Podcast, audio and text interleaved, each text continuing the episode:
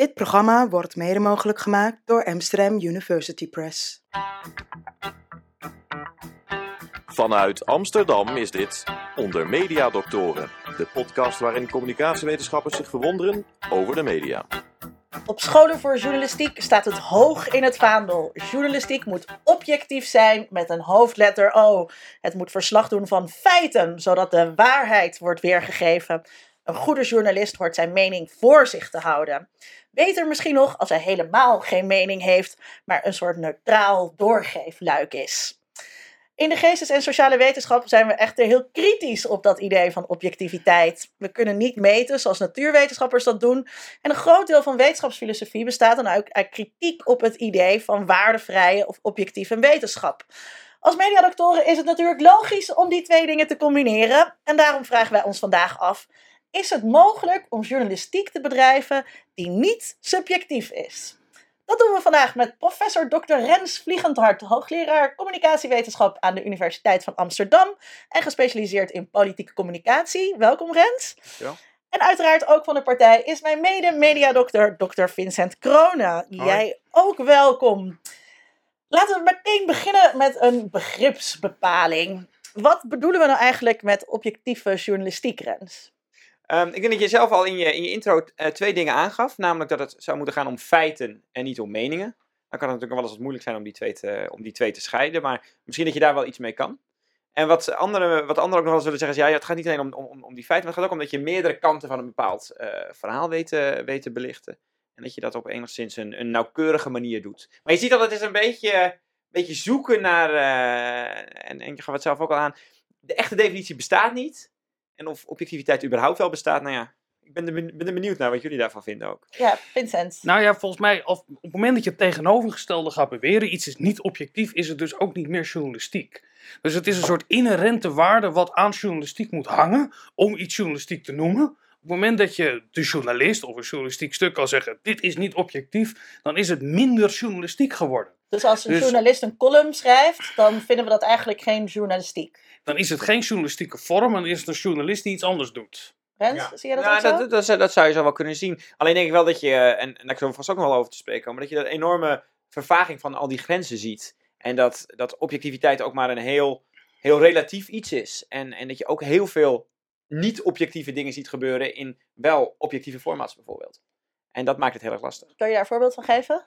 Nou ja, bijvoorbeeld, eh, bijvoorbeeld allerlei nieuwsuitzendingen waar toch ook hè, soms meningen in doorklinken. Of waar mensen in ieder geval het gevoel hebben dat dat heel sterk zo is. Hè. Vluchtelingenproblematiek eh, recentelijk, waarbij er toch ook heel veel klachten zijn van mensen die zeggen... Ja, er worden bijvoorbeeld alleen maar de aanvallen op de AZC eh, worden belicht. Kan je zeggen, ja weet je, dat is objectieve, objectieve informatie. Maar het is ook objectieve informatie dat duizenden vrijwilligers zich aanmelden bij die AZC's om te helpen. En daar hoor je nou weer heel weinig van. En dat is met die selectie van feiten... Zit je natuurlijk meteen in een, eh, Op een het, moment dat spannend je, gebied. op het moment dat je gaat zeggen welke feiten je in beeld brengt, ben je natuurlijk al subjectief bezig. Ja, op het moment dat je de selectie maakt en je maakt inherente selectie, is dat natuurlijk een subjectieve selectie. Maakt het dan ook nog uit eh, wat het type journalistiek is? Kijk, ik kan me voorstellen dat, dat voetbaluitslagen, dat je dat ontzettend objectief kunt brengen. Eh, maar dat het eigenlijk heel moeilijk is om een, sub, om een objectief voetbalverslag te schrijven. Ja, ik denk dat een heel mooi, heel mooi, eh, mooi... Misschien kan je zeggen, de uitkomst, hè, ook de uitkomst van politieke processen, hè, een wet wordt aangenomen of niet, of een verkiezingsuitslag is op een bepaalde manier eh, deze kant op of niet, dat, eh, daar kan je wel duidelijk zijn. En in de definitie hebben we het vaak over objectief. Maar op het moment dat we gaan kijken over hoe een journalistiek zou moeten functioneren, laten we dat soort dingen graag los. We willen dat journalisten een kritische vraag stellen. Die tegen de minister zeggen: U liegt Ja. of u draait. Dat zijn allemaal subjectieve kletst termen. uit U kletst nek. uit uw nek. om eens wat te En als wij van Rens Max. Verstappen zien winnen, dan vinden we het mooi om die journalist eh, te horen huilen op televisie. Of Mart Smeets die een zeer sentimenteel verhaal vertelt. Van dat is sportjournalistiek. Dan heet het beleving. Dus je ziet dat het eigenlijk een gelegenheidsargument is om vooral journalistiek eh, te ondermijnen. Om te zeggen, dit is niet journalistiek. Maar in de praktijken van de journalistiek zien we juist dat we het ook heel belangrijk vinden. Die subjectieve waarden die daarin komen. Het ideaal van objectieve journalistiek was er niet eh, altijd. Dat kwam pas op in de 19e eeuw. En toen hadden we al een tijdje journalistiek. Eh, in Nederland gingen wij toen eh, net zo'n beetje de verzuiling in. Hoe gekleurd was journalistiek eigenlijk tijdens de verzuiling, Rens? Nou, daar kan je eigenlijk twee dingen over zeggen. De eerste is dat je als je naar het individuele bericht keek, dat het enorm gekleurd was. Het was niet voor niks. Trouw had bijvoorbeeld de ARP-fractievoorzitter in de, in de hoofdredactie zitten of in de eindredactie zitten. Dat zorgt er natuurlijk voor dat er bepaalde, eh, bepaalde, eh, bepaalde nadrukken gelegd worden. Dus dat is aan de ene kant. Aan de andere kant zorgt het verzuilde systeem er ook wel voor, bijvoorbeeld op televisie, dat al die verschillende stemmen die aanwezig waren in de samenleving ook aan bod kwamen. Een van de grote voordelen van ons verzuilde publieke omroepbestel, dat we nu nog wel eens willen vergeten en, eh, en graag weggooien. In de jaren zeventig gingen wij net omzuilen, maar toen kwam in Amerika juist een hele activistische journalistiek op. Uh, de roerige jaren 70 worden de journalisten ook activisten. En onze vrijwilliger Sebastian van der Pol maakt een item over gonzo-journalistiek. Laten we kijken.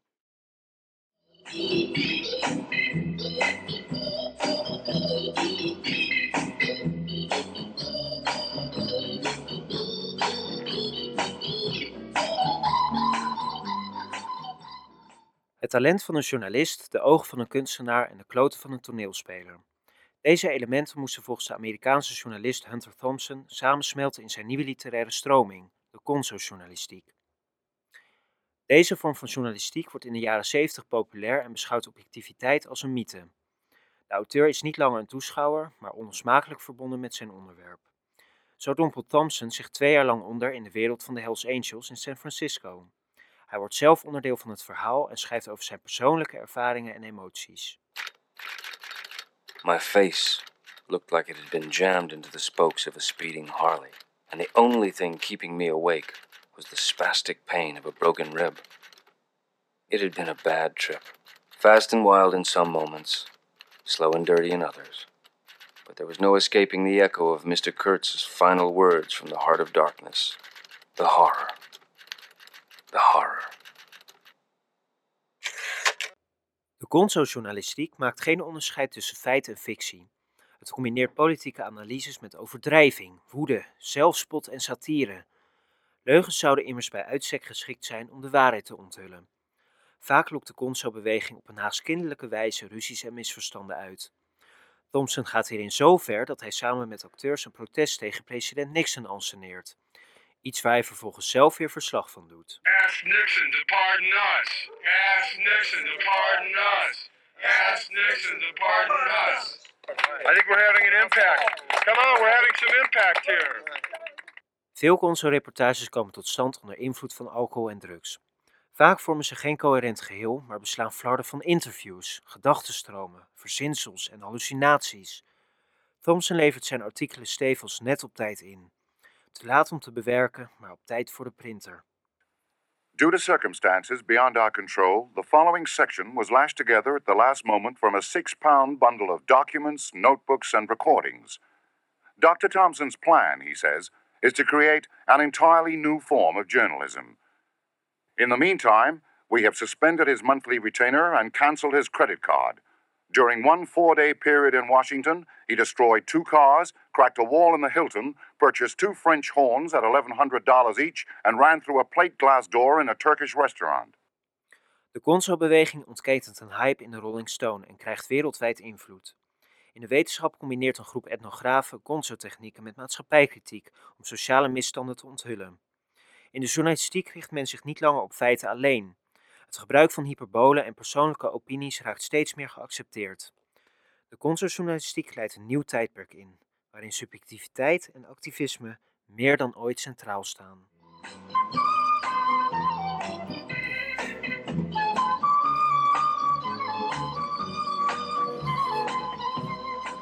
Hadden wij dat in Nederland eigenlijk ook? Ja, er was in de jaren 70 waren er wel journalisten die zich hiervan bedienden hoor, van dit soort. Maar de grootsheid die het hier had, dat heeft het natuurlijk nooit bereikt. Uh, zoals de rock'n'roll in Nederland natuurlijk ook nooit heel ver is gekomen. Dus ik denk dat dat wel een aardige parallel is tussen die twee. Ja. En die journalistiek is volgens mij daarna weer afgezwakt uh, uh, in de VS, weet je dat Rens? Ja, ik geloof dat ook inderdaad. En in Nederland zag je dat de logica, het idee erachter, hè, dat je eigenlijk vanuit het publiek bericht gaf en ook echt er voor het publiek was. Dat is in Nederland in die tijd heel sterk geweest. En die waarden, dat is ook, van, ook weer van die, van die journalistieke waarden, die, hè, die worden nog wel vaak genoemd. Hè, van we zijn hier toch ook om het publiek te informeren, om vanuit het, ook vanuit het oog van het publiek naar dingen te kijken. Maar ik heb het idee dat dit type journalistiek wel iets, uh, iets is afgenomen. Ja. Nou, uh, was hij, uh, Hunter Thompson, natuurlijk best wel een soort links-activistisch. Ja. maar als je er nou naar luistert, hè, het nieuws uitlokken, het gebruik van hyperbolen, dan moet ik eigenlijk ook direct denken aan de qua jongens van Pound. Nou, kijk, ze hebben allebei, doen ze niet eens meer de bewering dat ze objectief willen zijn. Daar zit een grote overeenkomst in. Uh, dus je kan ze ook niet beschuldigen dat ze niet objectief zijn. En dat ze ook echt met een soort breekijzer in het debat willen gaan. En dat ze altijd, op het moment dat ze daarop aangesproken worden, zich altijd beroepen op de vorm. Want dit is de vorm die waar wij voor kiezen. En wij staan er, wij zijn vooraan. En we gaan vanuit de belly of the beast, gaan wij daar uh, uh, aan de slag ik vind de stap van deze journalistiek naar Poont, vind ik wel echt vergelijkbaar met een, nou ja, iets wat niet vergelijkbaar is, om even de vergelijking daar te laten. Omdat het bij Poont alleen nog maar vorm is en dat het ook niet iets blootlegt wat we van tevoren niet wisten. En dat was bij dit soort journalistiek wel. Je hebt ook de Kapuscinski, wat een Pool was, die ook echt met verhalen kwam die heel persoonlijk waren, die meer eerder literair waren, maar ook van journalistiek grote waarde. En dat zien we toch bij Pau News, uh, uh, vind ik dat iets minder. Uh, een groot deel van jouw onderzoek gaat over frame-analyses. Ik heb ook je proefschrift meegenomen. Oh, een oud boekje al, hè? Camera, framing, immigration en integration. Um, het woord viel net ook al een beetje. Frames, wat zijn frames nou eigenlijk? Ja, frames zijn kaders, hè? letterlijk gezegd. Dus eigenlijk is het, um, eigenlijk, eigenlijk, meest simpelweg gezegd, is het de manier waarop je een bepaald onderwerp presenteert. En dat kan dus inderdaad zowel textueel uh, als visueel zijn. En als het nou bijvoorbeeld gaat over dat filmpje van Brussel, wat we net uh, zagen, ja. uh, zijn die beeldframes die gebruikt worden dan ook dezelfde frames als die je in de tekst terug Nou ja, ik denk het wel. Ik, en ik denk, Vincent die zei dat, zei dat net ook al. Waarschijnlijk zal zo'n zal zo'n beeld waarbij de winkel staat als bijna gewoon wordt gepresenteerd, eerder voorkomen in een bericht waar inderdaad wordt gezegd van, nou ja, er is niks gebeurd. Het gewone leven lijkt zichzelf, ondanks alles, weer een beetje te hernemen. Aan de andere kant, zo'n leeg, uh, zo'n leeg, wat donkere straat zal veel meer passen bij nog steeds een groot gevoel voor dreiging uh, na aanslagen in, uh, in Brussel. Is de inzet van frames, we weten allemaal dat die frames gebruikt worden. Framing wordt nu ook vaak door tegenstanders, als ze het met een bericht niet eens zijn, dan gaan ze al roepen, maar dat is framing. Nee, precies, ja. Um, is framing, het feit dat framing gebruikt wordt, niet al een teken dat journalistiek niet, subjectief, niet objectief kan zijn? Ja, dat denk ik wel. Maar ik denk ook, ik, ik zou erg los willen laten dat framing een slecht ding is. Hè? Want dat is precies wat je krijgt. Hè? Dit wordt geframed. Is hou al bijna iets van, hou eens op met mij op een bepaalde manier te framen. Eigenlijk is alle informatie is geframed. Dus welke keuze je ook maakt, op welke manier je een bericht ook doet, daar, elk, elk bericht bevat een bepaald frame of meerdere frames. Dan ga ik een hele gemene vraag stellen. Uh, kan je heel kort samenvatten in hoeverre frames hebben op wat het publiek vindt. Nee, dat kan je niet heel kort samenvatten. Daar heb ik uh, anderhalf jaar of twee jaar uh, opleiding voor nodig. Nee, nou ja, wat, je, wat je kunt zeggen is dat je heel erg duidelijk, um, duidelijke effecten kunt vinden. Uh, maar dat media-effecten, zoals jullie ook weten, iets, iets, iets zijn dat, die heel moeilijk, dat zijn moeilijk vast, vaststellbare, vaststellbare dingen. Maar je ziet bijvoorbeeld in die, bijvoorbeeld in die terrorismeberichtgeving, zie je heel erg duidelijk dat op een bepaalde manier uh, gerapporteerd wordt en dat continu gebeurt. Hè, inderdaad, als de islam als een bedreiging gepresenteerd wordt, dat dat heel directe effecten heeft op stemvoorkeuren, maar ook op percepties van mensen over, uh, over moslims. Dus de effecten zijn heel duidelijk aanwezig. Maar gelukkig weten we nog niet alles en zijn we nog heel erg veel bezig met de vraag van oké, hoe groot zijn die effecten, maar ook vooral hoe lang duren ze voort en op welke mensen hebben ze effecten. Want sommige mensen zijn daar gevoeliger voor dan andere mensen. En, kunnen frames een succesvol frame worden als die, die, die, dat perspectief niet van tevoren aanwezig is bij het publiek. Ik denk dat veel, veel politici daar continu op zoek zijn natuurlijk. Hè, naar een origineel verhaal. Hè, naar, nou, want dan ben je ook authentiek, dus dat helpt, uh, dat helpt, uh, helpt ongetwijfeld. Zeg maar. In heel veel van de, van, van de debatten die je nu ziet hè, over, over, dat, over terrorisme en ook over de uh, vluchtelingen, asielzoekers, is het niet zo heel makkelijk om daar nog hele nieuwe perspectieven in te brengen. Het lukt je misschien wel om bepaalde perspectieven, om bepaalde frames meer naar voren te brengen en duidelijker, duidelijker voor het voetlicht te krijgen. Een Amerikaanse studie laat zien dat jongeren, vooral jongeren, nieuws met een mening sterk waarderen. Ze vinden het namelijk fijn als nieuws geïnterpreteerd wordt en dat er ook een oordeel wordt gegeven. Zo zeiden ze dat het heel slecht was dat er weinig schuldigen worden aangegeven voor de economische crisis. Ze willen niet alleen weten wat is daar gebeurd, maar ook op wie moeten we boos worden. En die objectiviteit die mainstream nieuws vaak uh, claimt, die vonden zij niet zo bruikbaar. Um, Opinie en sarcasme daarentegen, blijkt uit de studie, kunnen wel leugens heel goed inzichtelijk maken. En de voorbeelden die daarbij horen zijn natuurlijk de Daily Show en de Colbert Report. Uh, in Nederland hebben we sinds twee jaar Zondag met Lubach, gestoeld op de leest van John Stewart in de Daily Show. En onze vrijwilliger Iris interviewde Arjen Lubach en het camerawerk en de montage zijn van onze vrijwilliger Volkert Poehoorn.